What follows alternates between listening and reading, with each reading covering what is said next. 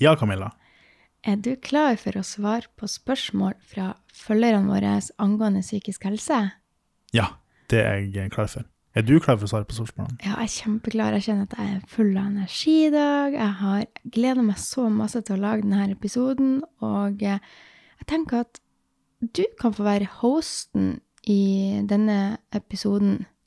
Ja, det høres artig ut. Ja, så da blir du Skavlan, du leder showet, og så er jeg jeg ikke en gjest. Eh, jo, jeg kan være gjesten som eh, eh, Der du stiller spørsmålene, du har ansvar for det, og så kommer jeg med mine input. Ja, OK. For et ansvar. Men det høres jo artig ut. Ja, ja, men alt, ja, ja, ja. Og alt det du vil, det får du til. Det er sant. Nei, men da tenkte jeg vi har så masse spørsmål at vi bare hopper i det. Episoden i dag eh, handler jo som nevnt om psykisk helse, som er et veldig viktig tema. Og vi har fått inn en eh, del spørsmål som vi tenkte vi skulle besvare i dag. Og eh, det første spørsmålet lyder som følger.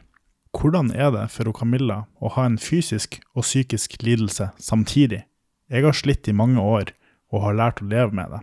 Så fikk jeg MS, og det irriterer meg grønn at man blir mottatt mer seriøst ved fysiske sykdommer enn ved psykiske lidelser. Først og fremst så vil jeg jo bare påpeke at eh, svarene som jeg nå kommer til å komme med, er ikke fasiten på noen ting som helst.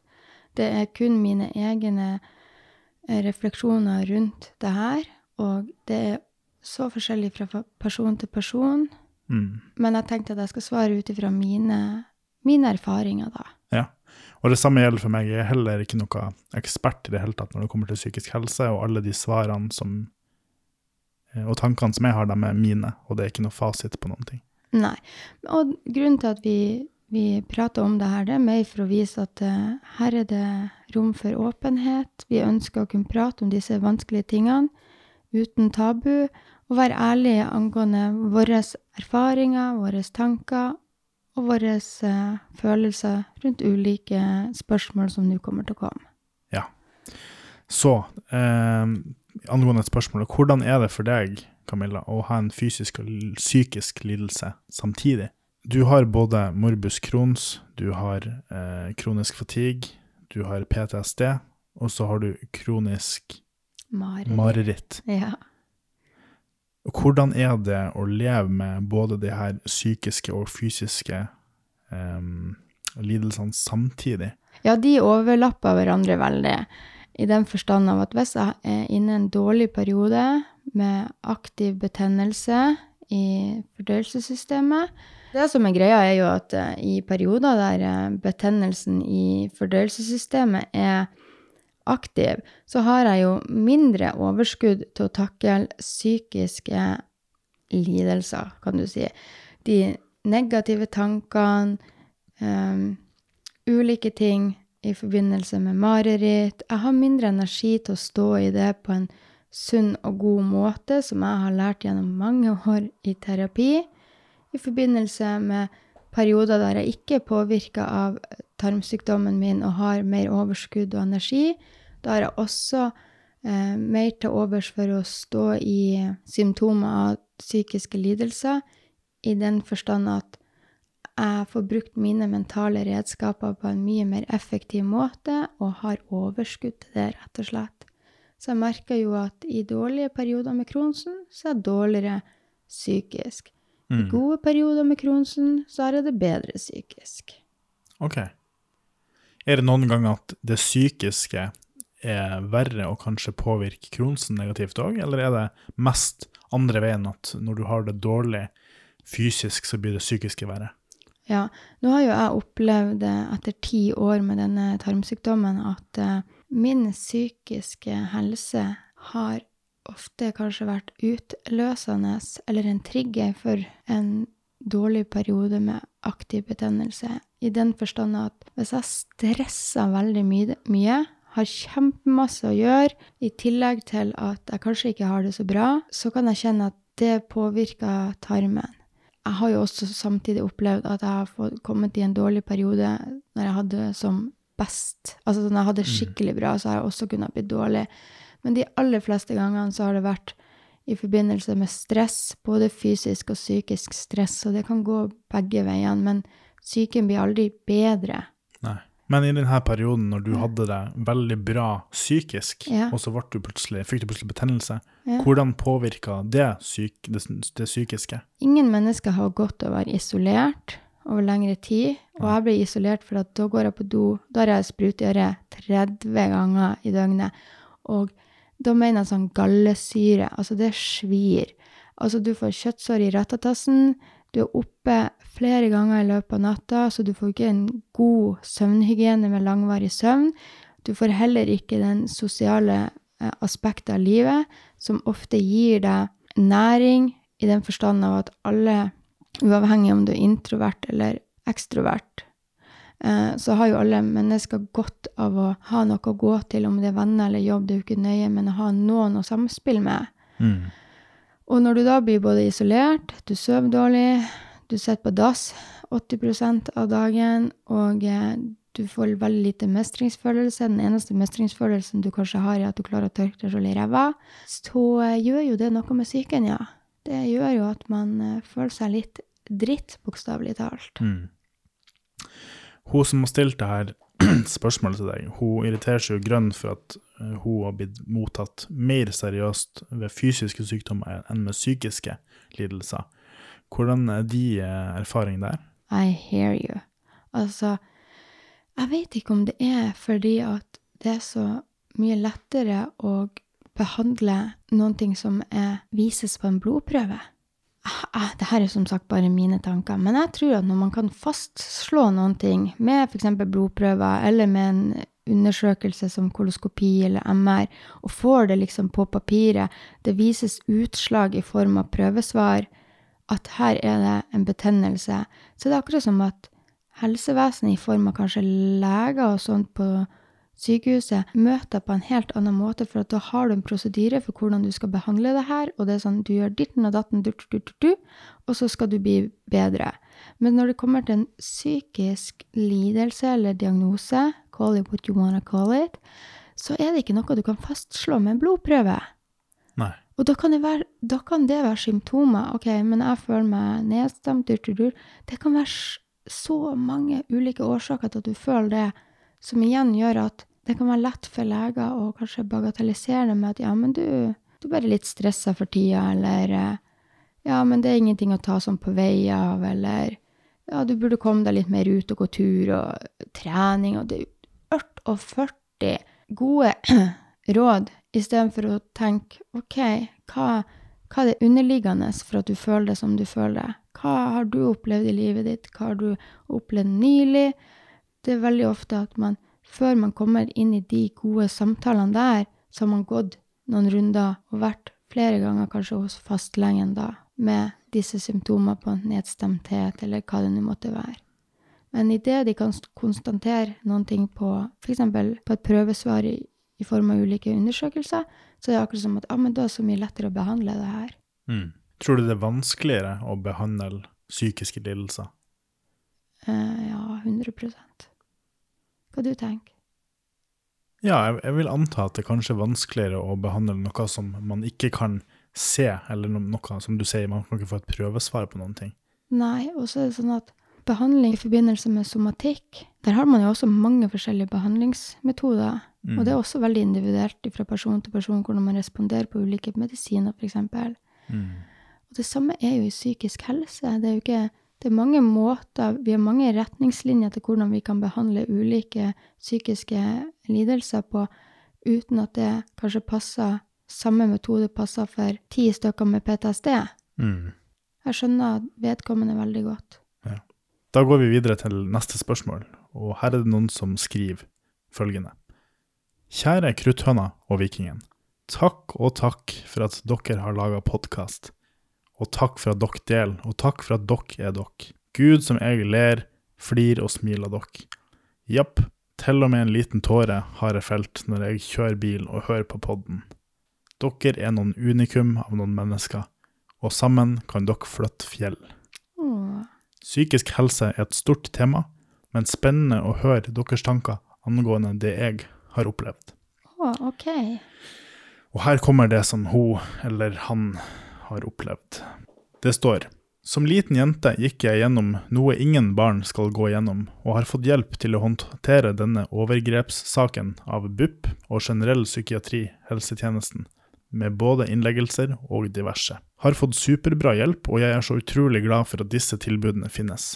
Men da jeg som barn opplevde, og i tillegg har vondt i magen, diaré og oppkast tre-fire ganger i uken, og ble sendt på somatisk avdeling, så hang den psykiske lidelsen høyest, og jeg ble til slutt stemplet som hypokonder, da de ikke kunne finne ut hva som feilte meg somatisk. Når jeg igjen i 2016 som 22-åring sto opp for meg selv og var lei av å ikke komme gjennom på verken legevakten eller på sykehuset, så ringte jeg til slutt 113. Da ble jeg sendt rett på akutten, og da fant de den natten ut at jeg hadde morbus Crohns med betennelse herifra til helvete. Og det var fordi jeg endelig ble tatt på alvor og fikk riktige undersøkelser som viste tydelig kronsbetennelse. Jeg har altså gått i mange år med ubehandla oppbluss av denne sykdommen og blitt møtt ved at den psykiske diagnosen overskygger de somatiske plagene mine. Jeg har skader i tarmen, og ikke minst psykisk skader etter det her. Så, da lurer jeg, hva tenker dere om det her? Jeg vet at det er mange med morbus Crohn og ulcerøs kolitt som har opplevd det samme, og det gjør meg så utrolig trist. Det er så fort å bli stempla som får sin psykiske diagnose, og dermed ikke får riktige somatiske undersøkelser. Og jeg vil sende et budskap til deres lyttere i samme slengen om at dere som hører på og opplever det samme, aldri la noen stemple dere som verken det ene eller det andre ut fra deres psykiske diagnose. Dere har like rett på samme somatiske utredning som en person uten en psykisk lidelse. Og så lurer jeg på hvordan man kan få en bedre forståelse av mage-tarmsyke, særlig med tanke på at tarmen henger så mye sammen med det psykiske, uten at det ene skal veie mer enn det andre. Jeg lurer på dette, da det er så ofte at uavhengig om man har en somatisk tarmsykdom, ofte kan oppleve at symptomer med magen blir bagatellisert som nervøs mage pga. stress. Kan dere snakke litt om det her? Med vennlig hilsen ei som verdsetter dere høyt, og elsker at dere har endelig starta å lage pod. Det var jo veldig mange viktige spørsmål, og eh, hva du tenker Benjamin? Eh, nei, først og, først og, fremst så tenker jeg at det er jo utrolig synd, eh, det du har opplevd, å eh, på en måte bare bli bagatellisert og bli eh, eh, kalt for en hypokonder. Mm. Eh, og at du ikke ble tatt seriøst i forhold til eh, Kronsen. Eh, det er jo litt interessant i forhold til den første personen som opplevde at den fysiske sykdommen ble tatt mer seriøst enn den psykiske. Ja. Mens her er det litt motsatt. Mm. Her er det det psykiske som kommer først, og så har man bagatellisert den somatiske.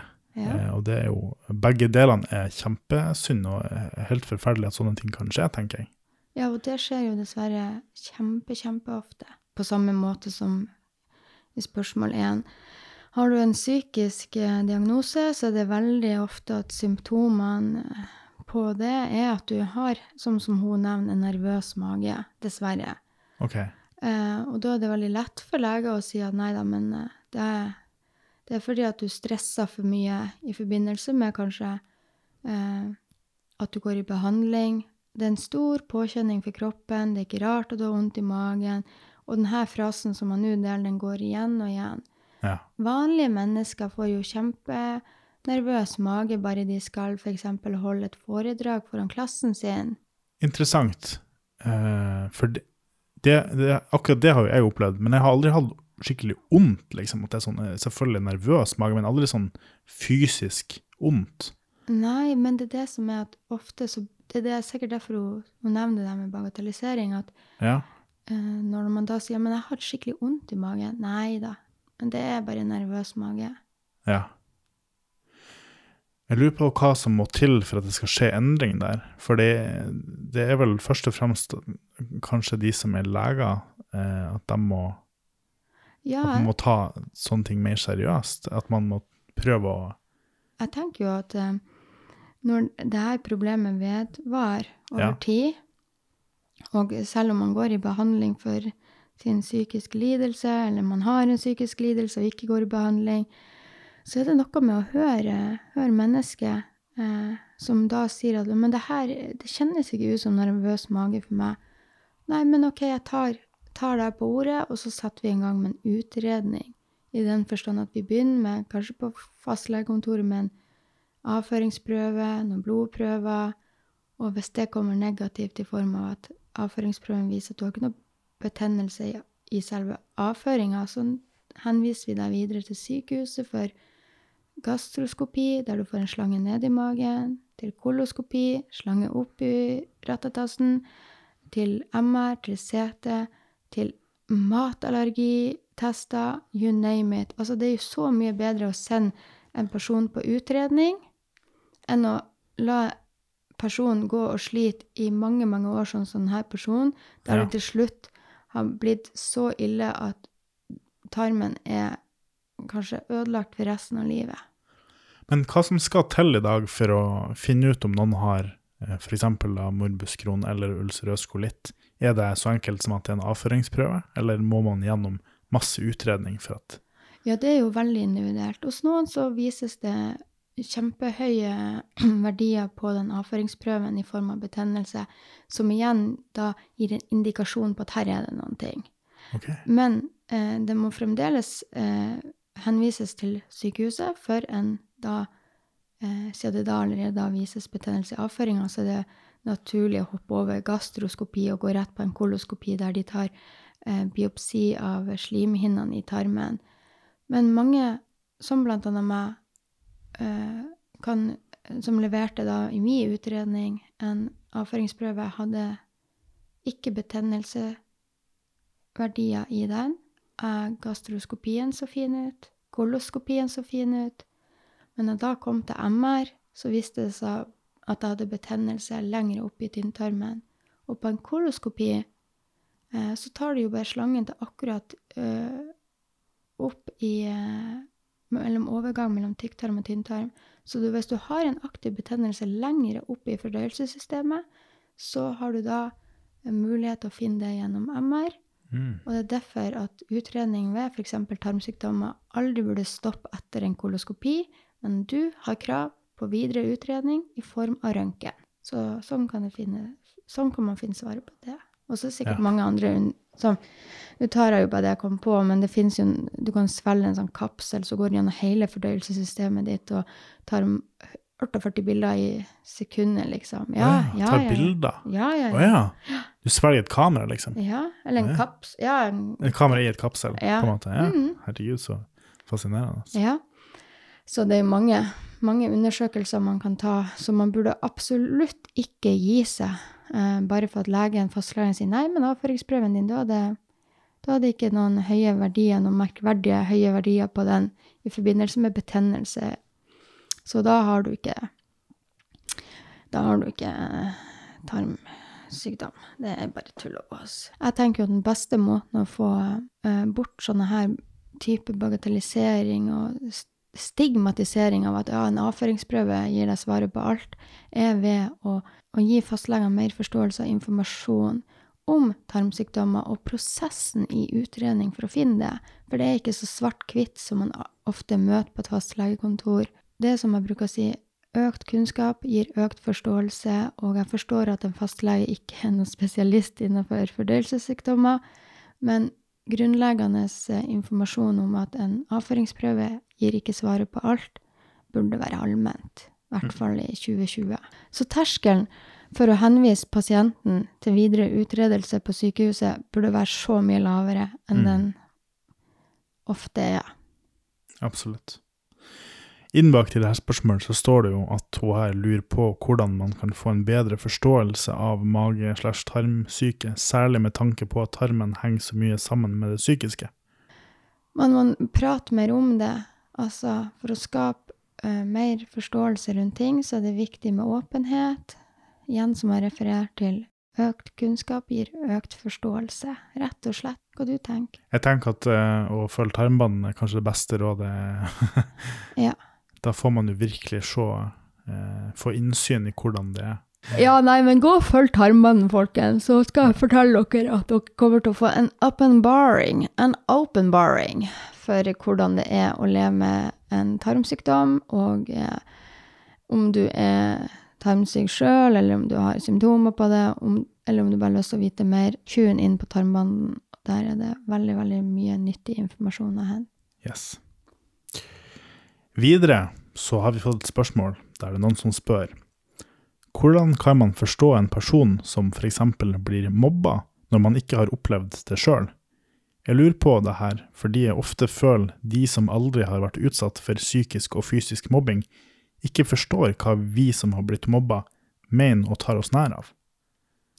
Ja, eh, som mobbeoffer sjøl Nå er jeg ikke så veldig glad i offerordet, men Eller for, for så vidt offerrollen ain't my cup of tea. Men eh, som, eh, som jeg har opplevd både med fysisk og psykisk mobbing fra barnehage og ut hele barneskolen, så eh, tenker jeg det at eh, det aller viktigste er å sette ord på følelsene dine. Og jeg tenker at vi som har blitt mobba, kommer med en helt spesiell sårbarhet som voksen i møte med andre mennesker. Eh, frykt for utestengelse, eh, frykt for å bli baksnakka, eh, frykt for å ikke bli godtatt, frykt for å bli latterliggjort. Altså, den lista er lang, men man kan ikke kreve at andre skal forstå hvordan det er, men du kan bidra til økt forståelse ved å fortelle og være åpen om det, som gjør at det er lettere fordi du møter å tilpasse deg som person. Og hvis de ikke klarer det, så er du nødt til å jobbe med deg sjøl og hvordan du responderer på ytre faktorer. Du kan, du kan aldri kontrollere hvordan andre mennesker behandler deg i form av måten de prater til deg på, eller prater om deg på, eller handlingene deres mot deg, men du kan lære deg mentale redskaper som gjør at du får kontroll over hvordan du prosesserer disse ytre faktorene. Sånn at det ikke får gå så mye inn på deg. Ja, nei, hva du tenker om det, Benjamin? Jeg tenker som følger at det er et veldig bra tips det du sier, at man eh, viser opp ikke vis åpenhet, men at man er åpen rundt følelsene sine og setter ord på følelsene sine og snakker om det. Da vil det gjøre, det vil gjøre det enklere for motparten å forstå hvordan det er. Jo, men jeg tenker at det er veldig fint å vise det òg. Vise følelsene sine, så du er, du er ja. Absolutt. Samtidig så tror jeg ikke det er så svart på hvitt. Jeg tror ikke det er så enkelt alltid å sette seg inn i hvordan det er for andre, det de har opplevd. Det som jeg tenkte, er at um, det man kan gjøre, det er i hvert fall å vise omtanke og uh, kanskje ikke forståelse, for man, kanskje man ikke forstår det sjøl, men i hvert fall støtt og vise omtanke. Ja. Tenker jeg. Det, og der kommer vi inn på noe som er veldig viktig. Det å kunne si som den som ikke har opplevd det du har opplevd, og si Vet du hva, jeg forstår ikke hvordan det har vært for deg. Men jeg er her for deg, og jeg respekterer at du har opplevd det du har opplevd, som har forma deg til den du er i dag. Yes. Så amen. Og det syns jeg er så viktig, og det er nesten vel så viktig som å, å vise forståelse. For det som sier, det er ikke alltid man kan forstå Nei. det den andre har opplevd. Videre så har vi fått et spørsmål som lyd som følger. Ikke et direkte spørsmål, men noe jeg synes er viktig å si innenfor temaet psykisk helse. Og det er at spesielt eh, lærere skulle fulgt nøyere med når barn og ungdommer kommer og sier ifra om at de er dårlige. Og da ta et møte med barn og foreldrene deres for å prøve å forstå bedre hvorfor vedkommende føler seg dårlig. Denne personen har sjøl opplevd å bli mobba på barneskolen uten at læreren brydde seg. Tenker derfor at man burde begynne en plass i tidlig alder og fulgt bedre med i friminuttene med tanke på mobbing. Poenget med det her er vel å høre hva dere tenker om læreres rolle når det kommer til å være mer observant, da det her stadig blir mer skjult i form pga. mobbing, også kan skje på internett gjennom anonyme apper og sosiale medier og kontoer og sånn. Mm. Hva, du, hva, er det første du tenker på? Eh, jeg er helt enig. Jeg mener at, eh, at lærere bør være kjempegode på pedagogikk og bør følge opp like godt som foreldrene, nærmest, eh, hvis de skal være en, en, en eh, ansvarsfull voksen som ungene skal kan se opp til, og skal kan føle seg trygg på at man kan gå til dem hvis det er noe man har på hjertet. Ja. Det tenker jeg. Eh, jeg tenker at eh, det realistiske er at eh, med tanke på ressurser som blir bevilga til eh, skoler i form av lærere VS antall elever, så er det nesten umulig å fange opp sånne ting. Uansett hvor observant man er. Eh, det er så sinnssykt mange elever at en lærer som kanskje Du har en klasse på 30 unger, én Ja. lærer og én assistent. Det er mission impossible. Eh, jeg tenker jo at løsninga heller ligger i å få inn et fag i, allerede på barneskolen som heter eh, mental helse. Om det kommer noen utenfra og holder foredrag eller whatsoever, eh, lær unger mentale redskaper i form av å kunne sette ord på disse vonde følelsene, som gjør at det blir lettere for barnet å kan dra hjem og si fra til foreldrene sine, kan bli lettere å si fra til lærere. Nå er det jo sånn at det er jo ofte Jeg vet, jeg vet ikke om det er sånn fortsatt, men når jeg gikk på barneskolen, så var det noen kontaktlærere. Det regner Ja. med fortsatt er en greie. Yeah. Og jeg tenker jo at um, de kontaktlærerne de blir vel valgt ut på en eller annen måte. ja, Og de tenker jo har et større ansvar enn de andre som bare er lærere i enkeltfag, f.eks. Og kontaktlæreren bør jo være et punkt som ungene kan gå til hvis de opplever noe på skolen. Så jeg tenker at det er viktig, som du sier, eh, det å kunne ha et eget fag og det å lære ungene å sette ord på ting, men det nytter ikke hvis ikke det blir tatt seriøst. og Det er derfor jeg tenker at det er så viktig at de lærerne som er kontaktpunktene, dem som er de bør være forbilder, de bør være voksen, en voksen person som man føler seg trygg på og kan gå til. Og hvis man da blir bagatellisert én gang, så kan det hende at man ikke orker å gå dit neste gang. ja. Så det er så viktig at man alltid blir tatt seriøst. Helt enig. Det hadde vært helt fantastisk hvis alle lærerne i Norge hadde den grunnleggende, fundamentale Forståelsen. Ja. Men eh, det er jo dessverre ikke sånn i det hele tatt. Nei. Eh, veldig mange som ikke har det på samme måte som at det er mange lærere som ikke skulle vært lærere, og mange sykepleiere som ikke skulle vært sykepleiere. Uh, kanskje... det skulle nesten ha vært sånn personlighetstest for å bli det. I hvert fall kontaktlærer. jeg er kanskje litt for godtroende, jeg, eh, for jeg, jeg hadde jo bare, eller stort sett bare greie lærere, og kunne alltid si ifra til dem hvis det var noe. Ja. Men det er kanskje ikke alle lærerne man har et sånt forhold til. Ja, det kommer jo veldig an på hvis du blir ansett som et eh, Nå hater jeg det her ordet, men et problembarn. Jeg kaller det jo det for barn i ubalanse.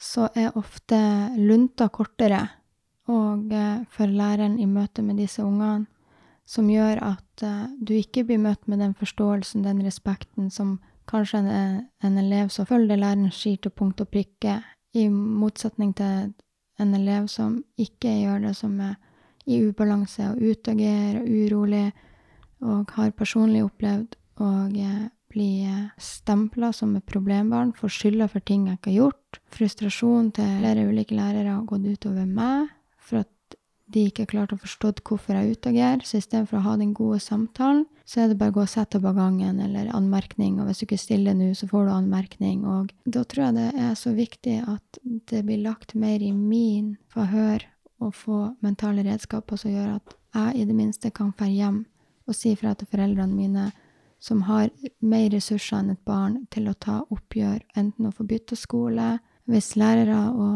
er fordomsfulle og allerede har laga en mening om det, så er det veldig vanskelig å få snudd det. Og da er foreldrene sitt ansvar å få bytta skole, eller om man så må flytte til en annen by. Altså, eh, det er dessverre ikke så enkelt, i hvert fall ikke var det da jeg var yngre, å bare si til læreren at eh, vet du, jeg har det ikke så bra. Eh, Som barn så hadde i hvert fall ikke jeg den mentale redskapen til å sette ord på det. Nei, ok. Så det kom ofte i form av utagering med Jeg var urolig, kasta ting. Og i dag er det jo sikkert eh, ekstra tøft sammenlignet med når vi var unger, for i dag er det jo eh, som det er sosiale medier, anonyme apper, folk kan gjemme seg bak en skjerm og skrive de forferdeligste ting som de aldri hadde tort å sagt eh, rett foran ansiktet til noen. Og eh, unger kan jo være brutale Ja. på måten de skriver på. Og jeg tror ikke det er så enkelt å følge opp verken som foreldre eller lærere, um, fordi det er så mye av det. Ja, og jeg tenker at det er enda viktigere da å få frem at det her gutten min eller jenta mi eller hendene mitt det her er midlertidig. Du må ikke omgås disse drittfolkene resten av livet ditt. Dette er snakk om noen år. Hold ut. Det blir bedre. Når du kommer i en viss alder, så kan du velge helt sjøl hvem du vil omgås med. Ikke la disse drittfolkene få ødelegge hele livet ditt. Dette er midlertidig. Hold ut. Når du blir voksen nok, så kan du flytte and get the fuck out of this town og starte et eget liv med mennesker som godtar deg for den du er. Amen. Punktum. Yes. You can do it. Jeg tenker også at eh, det er utrolig viktig, som du nevnte tidligere, at eh, for at eh, de her ungene som blir utsatt for mobbing via nett og sånn, eh, eller på skolegården, at de får de her mentale redskapene, så de kan at de har muligheten til å sette ord på hva som skjer, og, og fortelle det til foreldre eller til lærer, sånn at det blir gjort noe med det. Eh, for når du kommer med ditt eksempel, at du ikke klarte å si ifra, Mm. Og i dag, hvis det, er, det samme skjer, og det skjer på nettet, og, det liksom, og man vet ikke hvem som har sagt det, så er det jo veldig vanskelig å gjøre noe med det. Mm. Og kanskje man ikke ser løsninga sjøl som barn, Nei, nei, nei. så man, kanskje man føler seg litt, sånn, litt fortapt, Ja, for at eller litt hjelpeløs. Veldig godt poeng, Benjamin. For det er også noe med å få hjem og si 'mamma, jeg blir plaga på skolen'. Jeg øh, gjorde jo aldri det, for jeg var redd for at mamma de skulle bli skuffa over meg. Oh. Ja, de skulle tenke 'herregud, ungen vår er helt udugelig, hun klarer ikke å få venner', eller noen ting. Så jeg får jo hjem og late som at alt var bra. Og så, um, i frykt for å skuffe mamma di Nå tror ikke jeg at jeg var i, i stand til å si ordet skuff, men det var det der med at jeg, jeg kjente på det inni meg at åh, jeg vil ikke plage mamma og pappa med det her. Jeg vil ikke at de skal tro at jeg er sånn en outsider, misfoster og alle de ordene som blir kasta mot deg. Jeg ville heller få hjem og late som jeg hadde det kjempebra, liksom, enn å eh, Og det der er det så viktig at noen kommer inn enten med et fag eller med mer foredrag og forteller at du er ikke en misfoster, du er ikke en outsider, du er ikke dårlig, du, du, du er ikke mindre verdt enn alle de her folkene som står og forteller deg det, enten gjennom anonyme kontoer på nettet eller i friminuttene. Det her er mennesker som er ondskapsfulle der og da, men deres ord skal aldri få lov å ta plass i beskrivelsen av hvem du er. Og selv om det ikke er så lett å få stopp, i hvert fall på eh, mobbing via sosiale medier, så vit det at når du blir gammel nok, så trenger du ikke forholde deg til det her lenger. Jeg vet ikke. Jeg blir bare så, åh, jeg blir så, det, er så det er så stort, og det er så vanskelig. mm. Og, ja. Altså, jeg tenker jo at foreldre har et ansvar for unger når det kommer til sosiale medier. Foreldre er nødt til å ta mer ansvar. Hva er det du gjør? Hva holder på du med på sosiale medier? Hvordan konto har de? Og så sett som hauker over dem. Og lære lær ungene sine at du er mot andre som at du vil at andre skal være mot deg. Og det er ikke lov å være slem mot andre mennesker. Hvem er det som gir deg rettighet til å snakke ned om hun, hun jenta i klassen din? Og hvis foreldre ikke har denne kunnskapen, så trenger de også foredrag, kanskje gjennom skolen, at de har foreldremøter der det kommer noen inn og snakker om mobbing gjennom sosiale medier. Fortell foreldrene her, det her har du ansvar for. Når du valgte å få unge, da har du også ansvar for å velge eh, Når du valgte få unge, da har du også ansvar for hva ungen din gjør på nettet. Mm, absolutt. Ja, og du, du, må, du må ta ansvar for hele bildet av ungen din sin hverdag. Ikke bare skyv det over på lærere, men gjør noe som foreldre. Vær et godt forbilde, ikke bare som kontaktlærer, men som foreldre. Si at vet du hva, i det her hjemmet her så får det kjempestore konsekvenser hvis du er ekkel mot andre mennesker. Mm. Da blir det ikke noe mer mobil, da blir det ikke noe mer uh, iPad. Finito finale. Enten så oppfører du deg på nettet, eller så blir det ikke noe nett i det hele og det store. Mm. Ferdig snakka. Jeg skulle likt å se en tiåring gå og finne seg en iPad eller iPhone på egen hånd uten å få det hjemmefra, liksom. Så hvis foreldrene setter strek over det, nei, det er det som er konsekvensen. Da får du ikke ha det på en måned. Mm. Da tror jeg kanskje folk begynner å tenke litt annerledes. Jeg syns at, eh, at barn ikke bør ha tilgang på sosiale medier sånt før de er litt eldre. Ja, Type. men da igjen så kommer vi til en problematikk der du eh, Skal du være den eneste som ikke lar ungen din være på Snapchat før han blir 16? Ja. Ja, lykke til. Lykke til med Da blir det ungen et mobbeoffer. Vær så god. yes. Konklusjonen er vel kanskje det at det er veldig viktig med gode lærere, men det er enda viktigere med gode foreldre. Mm. Yes. Til slutt kommer det ett spørsmål som eh, vi velger å dele i to.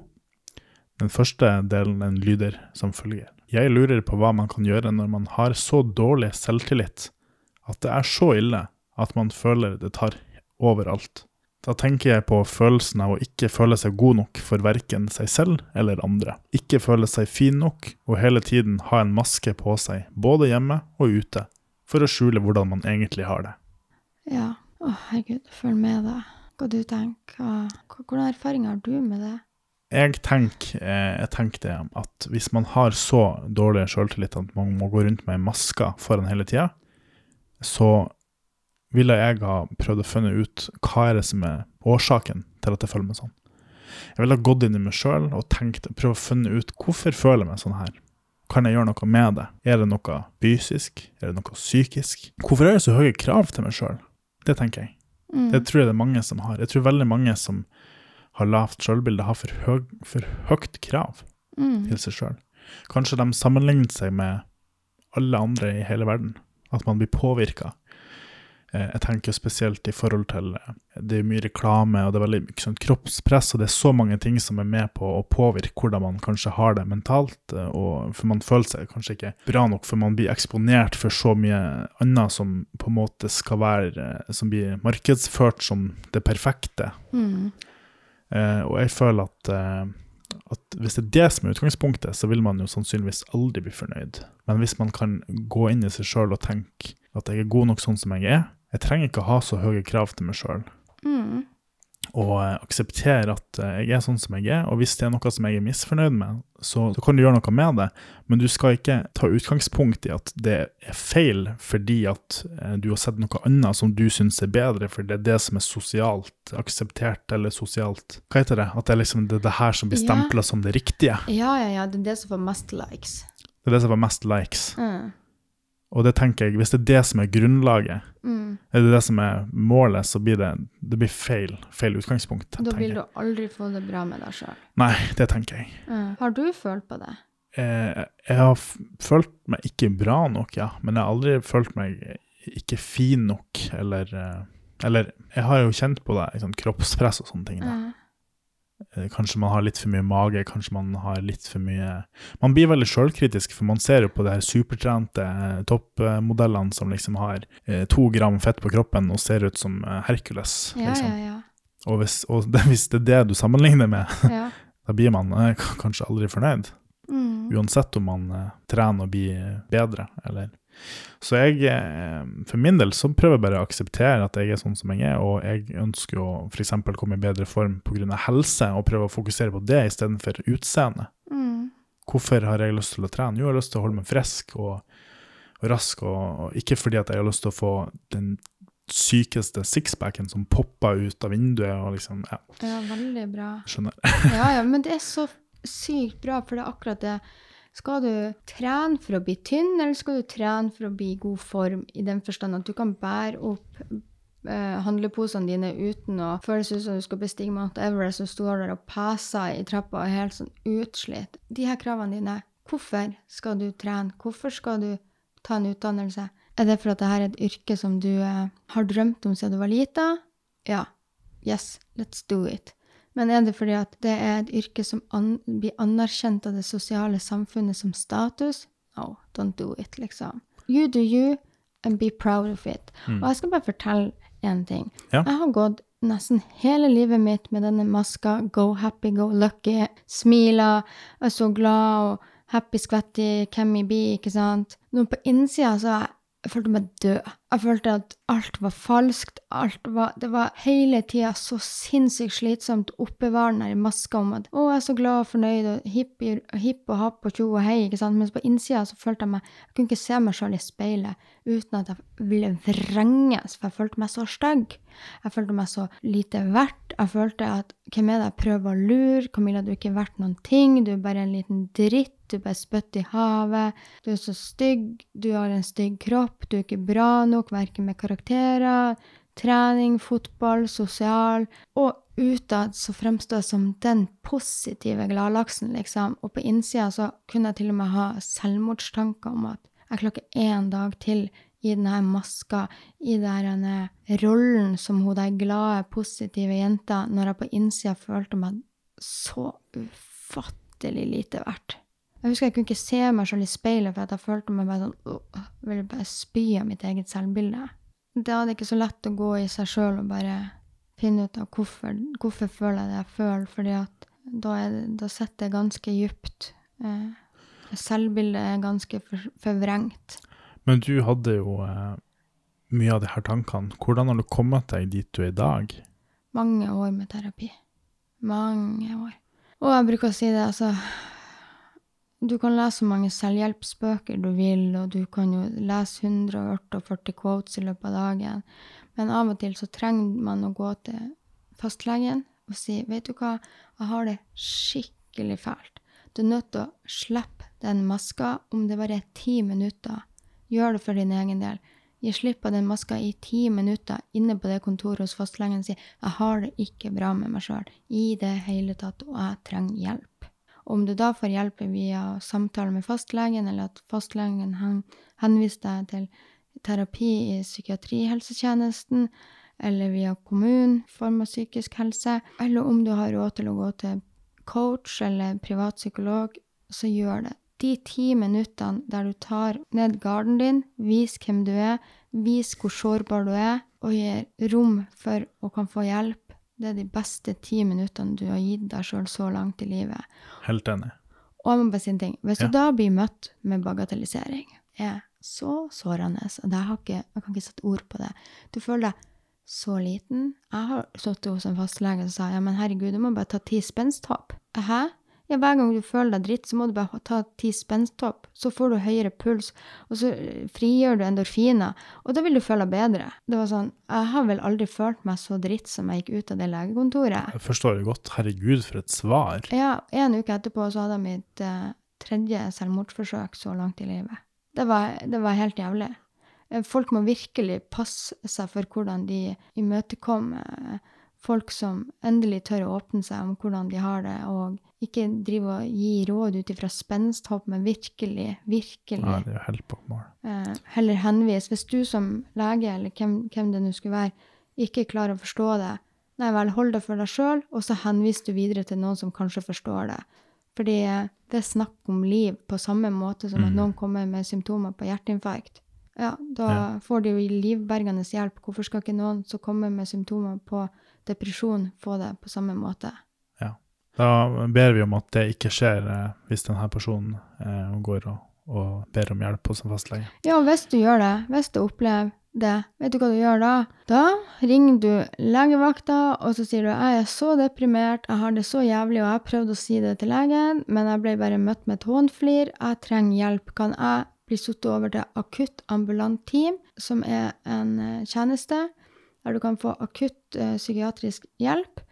Og så kan de henvise deg videre til uh, voksenpsykiatrien, f.eks.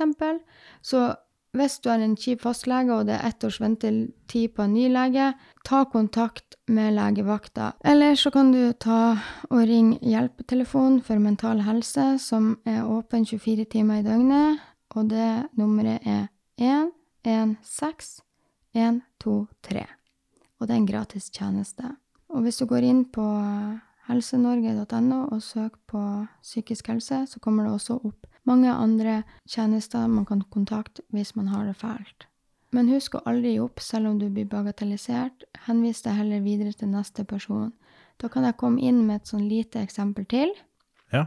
Jeg var også en kirurg med, med kronsen min. Jeg skulle få uh, utlagt tarm fordi jeg sleit som med diaré og var så dårlig. Så sier han her kirurgen Nei, men du, jeg forstår ikke hva problemet er. Altså, selv om du går så mye på do, så må du vel kunne fære ut og være sosial. Og så sier jeg nei, for jeg er redd for å drite meg ut. Det har jeg gjort x antall ganger, og det begynner jeg å bli litt lei av i en alder av 29 år, liksom. Og kirurgen sa ja, men herregud, vi mennesker er akkurat som hunder. de driter nå ute, så hvorfor kan ikke vi gjøre det? Du, bare tar med deg dasspapir i veska. Og jeg, jeg satt jeg var så sjokkert. Jeg bare satt nettopp og sammenligna meg med en hund. Det var helt, helt mentalsykehus. Jeg gikk ut av den, det møtet. Jeg var helt knekt. Jeg skreik hele veien fra Bodø til Mo i Rana, og jeg kunne ikke forstå at jeg nettopp var blitt sammenligna med en hund og blitt bagatellisert om at her var det bare å pakke med seg dasspapir i veska og ta seg sammen. Det var ingenting å sitte og, og isolere seg for. Eh, og da skal jeg, fortelle, skal jeg gi dere et råd. Man har ikke bare fritt sykehusvalg, men man har også krav på a second opinion. Altså, jeg ringte dagen etterpå når jeg hadde fått samla meg, så, så sa jeg sånn, vet du hva, jeg ble møtt med det her og det her i går når jeg var på sykehuset i møte med Pip Pip Pip, og jeg godtar ikke å bli pratet til på en sånn måte. Eh, Jeg krever å få en second opinion av en annen kirurg. En måned etterpå satt jeg hos en ny kirurg. En helt fantastisk altså shout-out til han Kayan Butt, kirurgisk overlege med gastroenterologisk eh, avdeling i Bodø. Han tok seg tida til meg og sa, og det er jo det som er så fint, han sa jeg er kanskje ikke en psykolog, og jeg er ikke en psykiater, men takk og lov for at vi har de. Men jeg som gastroenterologisk kirurg kommer til å gjøre alt i min makt hvis det er mulighet med kirurgisk inngrep for å gjøre hverdagen din bedre. I form av at jeg forstår at isolering ikke er bra psykisk, og det kan jeg forstå uavhengig om jeg er en eh, kirurg eller en psykiater, og jeg skal gjøre mitt beste. En uke etterpå ringte han på en søndag og fortalte meg at han har kommet over et medisin som heter Custeran. Det er et medikament, et pulver du blander ut i vann, som du får hvis du har fjerna galleblæra og sliter med gallesyrediaré, som han mente at jeg skulle prøve. For når du har operert bort overgang mellom tykk og tynntarm, så tar du ikke opp gallesyra, og da kommer gallesyra inn i tykktarmen og skaper kronisk gallesyrediaré. Så han tenkte utover boksen. Han sa prøv det her, hvis ikke det funker i løpet av tre dager, da legger vi ut en midlertidig stomi på det. Så har du i hvert fall et sosialt liv. Fire dager etter, tror jeg det var. Ikke tre, men fire dager. Så ringer han opp, så sier jeg, vet du hva, jeg har gått ifra 30 dotømminger om dagen til én har fast. Og der, den forskjellen Tenk hvis jeg ikke hadde stått opp for meg sjøl og bedt om en second opinion. Mm. Altså det Så for du som hører på, ikke gi opp. Stå opp for deg sjøl, kjemp saken din, be om en mening fra en annen lege, bytt lege.